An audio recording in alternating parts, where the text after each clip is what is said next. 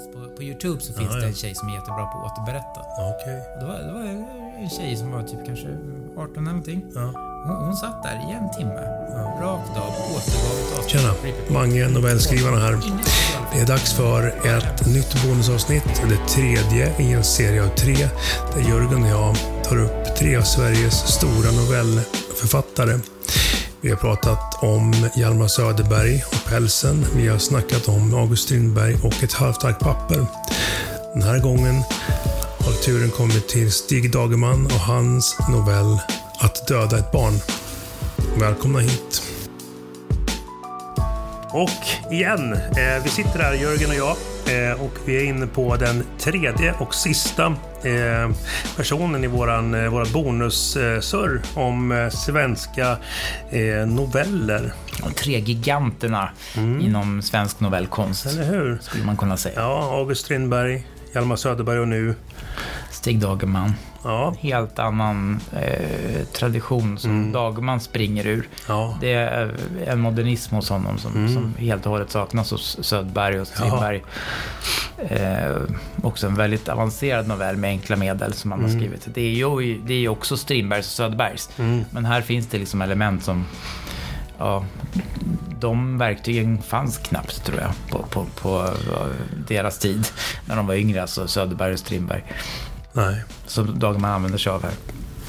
Eh, Jag gillar ju ändå att det här har vi en, eh, en eh, person som kommer till, till Stockholm som, vad blir det, som tonåring.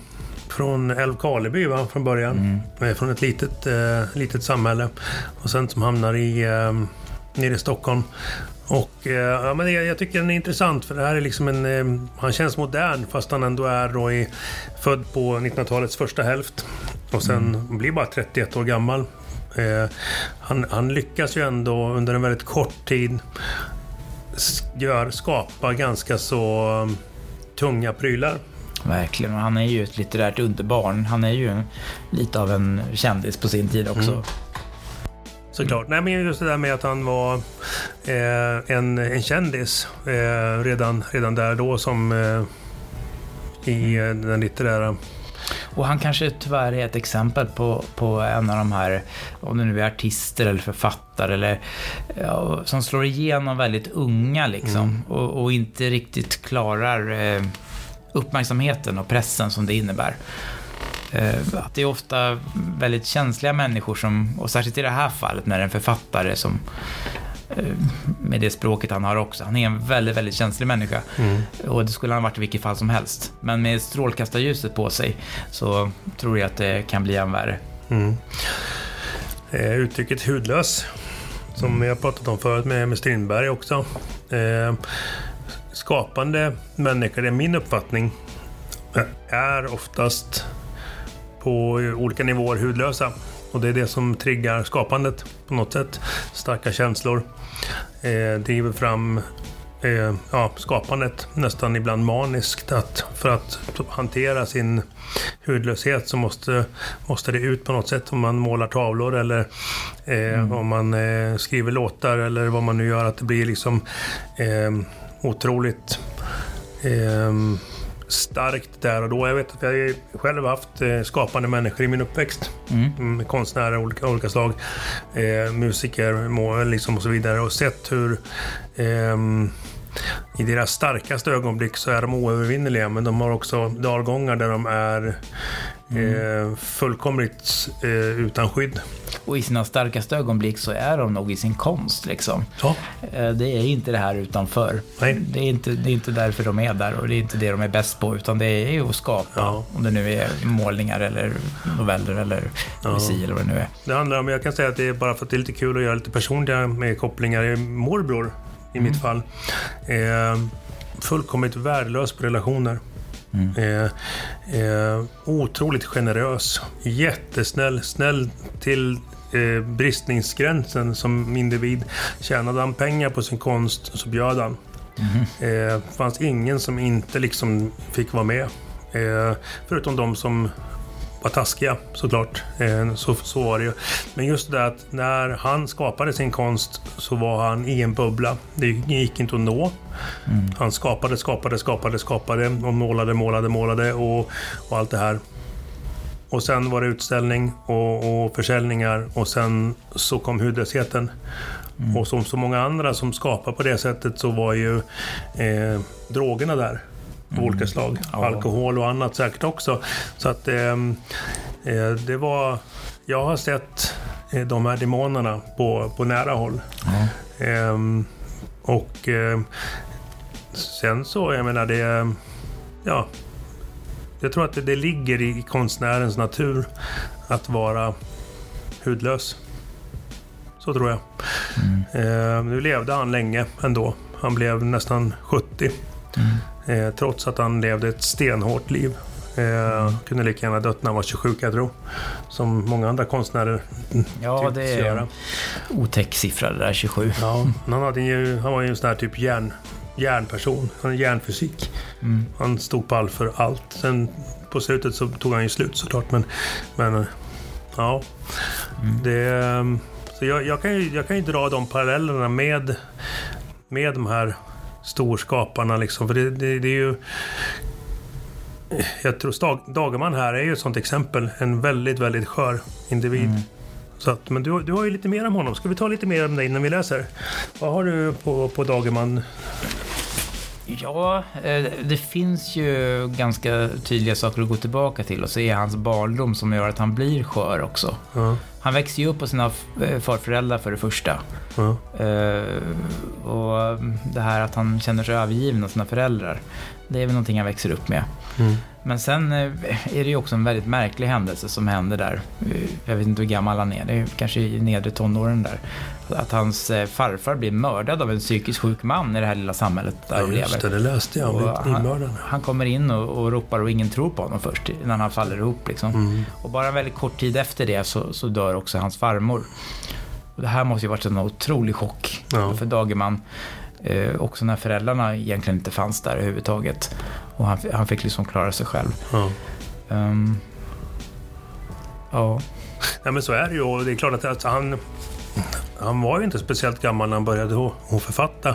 Och sen vet ju jag, jag har gjort lite research, han, är ju, han har ju haft han försökte ju, om jag förstått rätt, ta sitt liv ganska tidigt. Mm. Som 17-åring redan så försökte han. Eh, men han. Och sen har han upprepade gånger under livet försökt att ta sitt liv men ångrat sig. Mm, och sen tar han sitt liv. Eh, ja, han blir ju bara 31 då. Men även då sägs det ju att, eller går att läsa sig till att man tror att han även där hade ångrat sig. Han hade ju stängt in sig med sin bil och startat eh, ja, Men att han hade, man hade hittat honom på väg ut ur, ur bilen. Eh, ja, så var det Så att eh, återigen den här att, att vackla mellan att inte vilja finnas till och finnas till att, att befinna sig i den mardrömmen. Det, ja, det är tokigt. Men som sagt var, ska vi, ska vi köra ja. en liten, eh, ett besök till den här Att döda ett barn då, som var ett beställningsverk från ska vi se, Nationalföreningen för trafiksäkerhets, eh, trafiksäkerhetens främjande. Ja, det är ju intressant. Det kan ja. vi prata lite om sen. Eller hur? När vi har läst den. Stig Dagerman, Att döda ett barn. Det är en lätt dag och solen står snett över slätten. Snart skall klockorna ringa, ty det är söndag. Mellan ett par rågåkrar har två unga hittat en stig som de aldrig förut gått. Och i slättens tre byar blänker fönsterrutorna. Män rakar sig framför speglarna på köksborden och kvinnor skär gnolande upp bröd till kaffet och barn sitter på golven och knäpper sina livstycken. Det är den lyckliga morgonen till en ond dag. Till denna dag ska ett barn dödas i den tredje byn av en lycklig man. Ännu sitter barnet på golvet och knäpper sitt livstycke. Och mannen som rakar sig säger att idag ska de ta en roddtur nerför ån. Och kvinnan gnolar och lägger upp det nyskurna brödet på ett blått fat. Det far ingen skugga över köket och ändå står mannen som ska döda barnet vid en röd bensinpump i den första byn. Det är en lycklig man som tittar in i en kamera och i glaset ser han en liten blå bil och bredvid bilen en ung flicka som skrattar. Medan flickan skrattar och mannen tar den vackra bilden skruvar bensinförsäljaren fast locket på tanken och säger att de får en fin dag. Flickan sätter sig i bilen och mannen som ska döda ett barn tar upp sin plånbok ur fickan och säger att de ska åka till havet och vid havet ska de låna en båt och ro långt, långt ut. Genom de nerskruvade rutorna hör flickan i framsätet vad han säger. Hon blundar och när hon blundar ser hon havet och mannen bredvid sig i båten. Det är ingen ond man. Han är glad och lycklig och innan han stiger in i bilen står han ett ögonblick framför kylaren som gnistrar i solen och njuter av glansen och doften av bensin och hägg. Det faller ingen skugga över bilen och den blanka kofångaren har inga bucklor och inte heller är den röd av blod. Men samtidigt som mannen i bilen i den första byn slår igen dörren till vänster om sig och drar ut startknappen öppnar kvinnan i köket i den tredje byn sitt skåp och hittar inget socker. Barnet som har knäppt sitt livstycke och knutit sina skor står på knä på soffan och ser ån som slingar sig mellan alarna och den svarta ekan som ligger uppdragen i gräset. Mannen som ska förlora sitt barn är färdigrakad och viker just ihop spegeln. På bordet står kaffekopparna, brödet, grädden och flugorna. Det är bara sockret som fattas. Och modern säger åt sitt barn att springa över till Larssons och låna några bitar. Och medan barnet öppnar dörren ropar mannen efter det skynda på, för båten väntar på stranden och de ska ro så långt ut som de aldrig förut rott. När barnet sedan springer genom trädgården tänker det hela tiden på ån och på båten och på fiskarna som slår. Och ingen viskar till det att det bara har åtta minuter kvar att leva och att båten ska ligga där den ligger hela den dagen och många andra dagar. Det är inte långt till Larssons, det är bara tvärs över vägen. Och medan barnet springer över vägen far den lilla blå bilen in i den andra byn. Det är en liten by med små röda hus och nymånade människor som sitter i sina kök med kaffekoppen höjd och ser bilen rusa förbi på andra sidan häcken med ett högt moln av damm bakom sig. Det går mycket fort och mannen i bilen ser äppelträden och de nykärrade telegrafstolparna skymtar förbi som gråa skuggor. Det fläktar sommar genom vindrutan. De rusar ut ur byn. De ligger fint och säkert mitt på vägen och de är ensamma på vägen. Ännu. Det är skönt att färdas alldeles ensam på en mjuk bred väg och ute på slätten går det ännu finare. Mannen är lycklig och stark och med högra armbågen känner han sin kvinnas kropp. Det är ingen ond man. Han har bråttom till havet. Han skulle inte kunna göra en geting för när, men ändå ska han snart döda ett barn. Medan de rusar fram mot den tredje byn sluter flickan åter ögonen och leker att hon inte ska öppna dem förrän de kan se havet. Och hon drömmer i takt med bilens mjuka krängningar om hur blankt det ska ligga. Ty så obarmhärtigt är livet konstruerat att en minut innan en lycklig man dödar ett barn är han ännu lycklig. Och innan en kvinna skriker av fasa kan hon blunda och drömma om havet. Och den sista minuten i ett barns liv kan detta barns föräldrar sitta i ett kök och vänta på socker och tala om sitt barns vita tänder och om en roddtur. Och barnet själv kan stänga en grind och börja gå över en väg med några sockerbitar inslagna i vitt papper i högra handen. Och hela den sista minuten, ingenting annat se än en lång blank å med stora fiskar och en bred eka med tysta åror. Efteråt är allting för sent. Efteråt står en blå bil på sned över vägen och en skrikande kvinna tar handen för munnen och handen blöder. Efteråt öppnar en man en bildörr och försöker stå på benen fast han har ett hål av fasa inom sig. Efteråt ligger några vita sockerbitar meningslöst utströdda i blod och grus och ett barn ligger orörligt på mage med ansiktet hårt pressat mot vägen. Efteråt kommer två bleka människor, som ännu inte fått dricka sitt kaffe, utspringande genom en grind och ser en syn på vägen som de aldrig ska glömma. Ty det är inte sant att tiden läker alla sår. Tiden läker inte ett dödat barns sår och den läker dåligt smärtan hos en mor som glömt att köpa socker och skickar sitt barn över vägen för att låna. Och lika dåligt läker den ångesten hos en en gång lycklig man som dödat det. Ty den som dödat ett barn åker inte till havet. Den som har dödat ett barn åker, lång, åker långsamt hem under tystnad och bredvid sig har han en stum kvinna med ombunden hand. Och i alla byar som de passerar ser de inte en enda glad människa. Alla skuggor är mycket mörka. Och när de skiljs är det fortfarande under tystnad. Och mannen som dödat barnet vet att denna tystnad är hans fiende. Och att han kommer att behöva år av sitt liv för att besegra den. Genom att skrika att det inte var hans fel. Men han vet att det är lögn. Och i sina nätters drömmar ska han istället önska att få en enda minut av sitt liv tillbaka för att göra denna enda minut annorlunda. Men så obarmhärtigt är livet mot den som dödat ett barn att allting efteråt är för sent.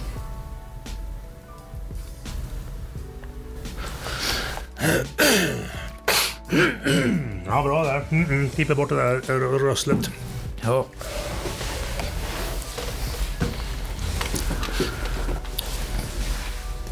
Ja, det är ju en väldigt um, dramatisk novell på många sätt. Och den är ju eh, uppbyggd eh, på ett väldigt skickligt sätt med de här olika tidsplanerna, de olika perspektiven.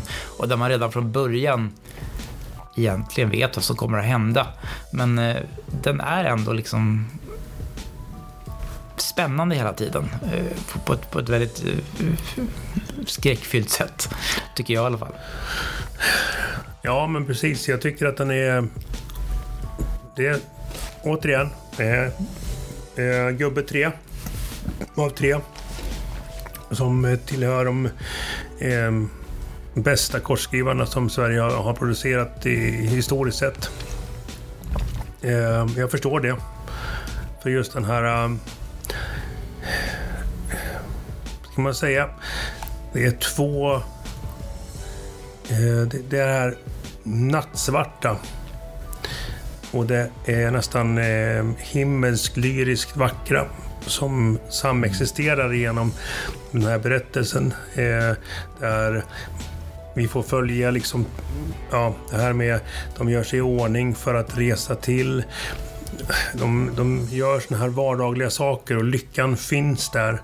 Eh, och, och, små såna här formuleringar som ehm, eh, när förväntningar byggs upp när barnet då glatt springer för att låna mm. socker och vet att senare på dagen så ska det ros ut på, på vattnet så långt som de aldrig... Du vet, det finns eh, så många olika Um, ja, det är så många ljusa fram ja. olika framtider, eller man säger, ja. för de här människorna. Alla ja. ser så ljusa ut. Och på ett, ett ögonblick, på en minut, så slår dörren igen och allt bara blir nattsvart. Så är det för sent. Helt enkelt. För någon som har dödat ett barn så är det alltid för sent. Just den där att en minut innan det händer så är du fortfarande en lycklig människa sedan mm. är det slut. Eh, jag kan ju tycka nu naturligtvis så, så, målar väl eh, kunskapen och vetskapen om, om hans egen eh, livstid. Ett, ett visst liksom, eh, ett skimmer över alltihopa. Jag, jag hör ju hans eh, skörhet i det här. Och att, jag, jag tror inte de kunde ha valt en bättre berättare för den här kampanjen för att man ska se upp när man kör bil. Nej. Än de gör. För det är ju faktiskt så. Jag har, den här har jag faktiskt pratat väldigt mycket med elever om. Ja. Men eh, att det är ju inte bara mannen som kör bilen som har en skuld i det som sen händer. Nej. Utan man, man, kan ju faktiskt hoppa runt hos alla de här människorna. Man kan se barnet som eh, kanske springer över, över vägen utan att se sig för. Ja. Man kan se kvinnan, den här unga kvinnan som sitter bredvid mannen som kör bilen, bredvid honom och, och ja. blundar och tänker på vad de ska göra sen. Hon är ouppmärksam. Man kan tänka på, på föräldrarna som kanske är lite oansvarigt att skicka barnet över vägen på det här sättet. Um, och pappan som till och med säger att du skyndar på nu så att ja. vi hinner komma ut med båten. Så bidrar till att barnet är ouppmärksamt. Ja. Så att alla har någonting att gå tillbaka till och känna skuld för. Ja. Även fast den som är värst drabbad såklart och ska vara värst drabbad är ju mannen som kör bilen. Men eh, det måste ju vara väldigt effektivt om man ska ha eh, en kampanj för att tänka sig för i trafiken, liksom, skriva på det sättet. Ja, att den inte riktar sig helt och hållet åt, åt en, utan det... Tänk dig för eh, i, i, din vardag. Vad har du, vad har du omkring dig? Eh, jag slås ju av det här med hur jag kan ju se den här sommardagen där, där fastän solen lyser på bilen så kastas inga skuggor. Det betyder att solen står högt. Eh, kromen blänker och de, det här med de rakar sig och det fylls på bensin och det är dofter och det är, de, det är någon... Eh, är det, någon typ av eh, syren, någon typ av häck, någon typ av... Eh, du känner dofter, det är så otroligt bra eh, gestaltat dessutom. Eh, jag kan känna bensinångorna tyvärr. eh, och doften av sommar. Och jag kan känna förväntningarna när man, när, när man ska någonstans. Att, att vara på väg någonstans. Mm. Eh, om det nu är att man ska till havet eller vad det nu är. Och det här med att man, man dukar upp för att ha en bjudning av något slag. Eh, förväntningarna som finns. Det är så jävla fint eh, uttryckt. Samtidigt så kommer de här eh, brottstyckena i berättelsen som leder fram till att barnet blir påkört. Det blir mer och mer påtagligt. Först är det ju bara ren ren liksom, glädje och lycka. Mm. Och sen kommer det. Och det är liksom Ja, det är skitbra. Det är han planterar ju redan i första stycket där mm. att, att, eh, till och med att vart det kommer hända. Ja. Det kommer hända i tredje byn. Ja. Och den här mannen kommer att döda ett barn. Ja. Så det får man väldigt tidigt reda på. Sen så vävs det här ändå in i väldigt vacker, som du säger, natur och språk så att man lite glömmer bort det. Men sen kommer det som en påminnelse igen. Och man börjar närma sig den här tredje byn mm. hela tiden. Och man får se barnet och föräldrarna i den tredje byn. Så det är, oh, det är, jag tycker det här är nästan en rysare liksom, i sin uppbyggnad. Det, det, det är lite kul, för det var ju tydligen hans första eh, debutroman, eh, Ormen. Mm. Eh, som var en, eh, en, eh, en skräckberättelse om eh, ångest ja. och, och alltså en, en riktigt sån här jobbig eh, berättelse. Så det, det, ligger väl honom, mörkret ligger, låg honom nära. Det dömdas ö har jag, jag skrivit ja, en uppsats om. Den, ja. den är ju fruktansvärt mörk. Där överger han realismen för någon Ja, där är det symbolism hela vägen. Ja. Man säga ett gäng eh, som alla på något sätt kommer att dö. Ja, och, och, och det vet de från början. Ja. Men de har olika vägar dit så att säga. Ja, um, ja det är... Um, men just den här... Um, men det här också att, att, att inte visa vad som händer och du ändå blir så fruktansvärt tydliga bilder, för mig i alla fall i mm, huvudet. Mm. Han beskriver ju inte på något sätt själva olyckan, när, när, barnet blir påkört. Utan det är som ett tomrum och sen mm. finns bara ett efteråt. Ja. Men just det gör ju den här olyckan ännu mer fasansfull på något sätt. Ja. För man ser ju det ändå liksom. Ja, hur eh, det är liksom... Eh, han gör ju det här i den här berättelsen som är så otroligt tycker jag, effektfullt och som visar på, på, på stilfiness och klass i att skriva överhuvudtaget är att inte skriva läsaren på näsan. Ge läsaren ut, utrymme att fylla i luckor själv. Mm. I det här fallet så vet vi. Vi behöver inte skriva ut hur, hur han tittar åt vänster medan flickan springer ut från höger genom grinden och han bromsar fast för sent och hur allt det här sker. Mm. Det, det, kan man lägga, det kan man bygga på egen hand. Eh, för att sen kommer ju ändå det som har hänt, att flickan ligger bland blod och sockerbitar med ansiktet hårt mm. mot asfalten och, och, så vidare. Så vet man ju att det handlar om ett, att hon klarar sig inte. Eh, det är jäkligt tydligt. Så att, um, det behövs inte skrivas ut exakt hur det går till. Nej. Eh, och här kan man ju lyfta det till ett lite högre plan också och, och tänka att den här novellen delvis också handlar om, om, om döden. Mm. Som vi alla kommer möta någon gång. Mm. Hur mycket vi än vill liksom leva i vårt nu och vara lyckliga och sådär såklart. Men den kommer hela tiden närmare. Precis som den här bilen kommer närmare den tredje byn. Så mm. kommer vi för varje dag närmare vår egen död. Liksom. Att den har sina byar. Och ja. Livet är tre byar. Med barndomen, medelåldern och ålderdomen. Ja, precis. Jag har inte tänkt på det förut. Men mm. när du säger så så känns det ännu som att det verkligen kan ha varit en tanke. Med stadier. Förberedelsen, utförandet, resultatet på något sätt. Eh, om man nu ska gå in och göra eh, någon, någon typ av analys. Jag tycker att det språkmässigt. Ehm, det finns inget som jag upplever som överflödigt i någonting. Det, det är så otroligt tajt med, med hur eh, den här texten, hur Dagerman har liksom eh, nästan eh, som en riktigt bra författare tycker jag gör. Att han, eh, språket, orden är, är som eh, penseldrag. Mm. Eh, ibland bred pensel, ibland liten pensel. Men det, det som du säger är att jag ser ju det här. Mm. Jag ser sockerbitarna, jag vet att de ligger där i, och det är lite blod på. Jag ser kromlistorna på den gamla bilen i och med att den här är, är skriven på vad blir det, 1948. Åtta var det. Ja. ja det var det. Eh, det var ju liksom det som vi idag kallar för raggarbilar. Ungefär, Mm. va? Stora plåtvidunder med, med kromade kofångare, stötfångare runt om. Jag ser de här, den här bilen, jag ser hur eh, frisyrerna hos människorna, hur de ser ut, hur de är klädda, hur flickan vid passagerarsätet har den här lilla eh, sommar eh, scarfen knuten i håret och hur han med vit eh, skjorta och eh, typ någon typ av vet jag, slacks eller typ brallor. Sitter där och, Ja. och har det så bra med ena armen på, på sidan på, på dörren och, och liksom har en, en, en fin sommardag på väg, på väg någonstans. Eh, Jag ser alltihop där och, och, det, och det, det gör ju att känslorna som dyker upp är ju liksom den här med nästan paniken att det är oundvikligt. Det här kommer att ske. För berättelsen är sådan att nu kommer det, eh, det här kommer att ske. Det är nästan lite sadistiskt på ett sätt. Fast det är fruktansvärt skickligt. Ja. Men berättat. Eh, mm. Och det är så förbannat välgjort. Eh, och i kampanjen så kunde det väl inte ha blivit bättre för att läsa den här korta berättelsen och få den här känslan som den, den skapar. Ehm, nej, det är...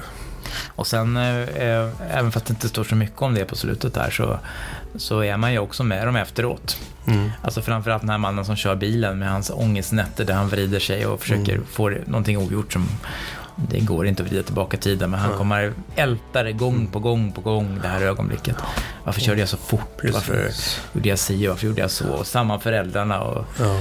eh, ja, kanske den här tjejen också. De kommer, Tiden läker inte alla sår nej. Så är det.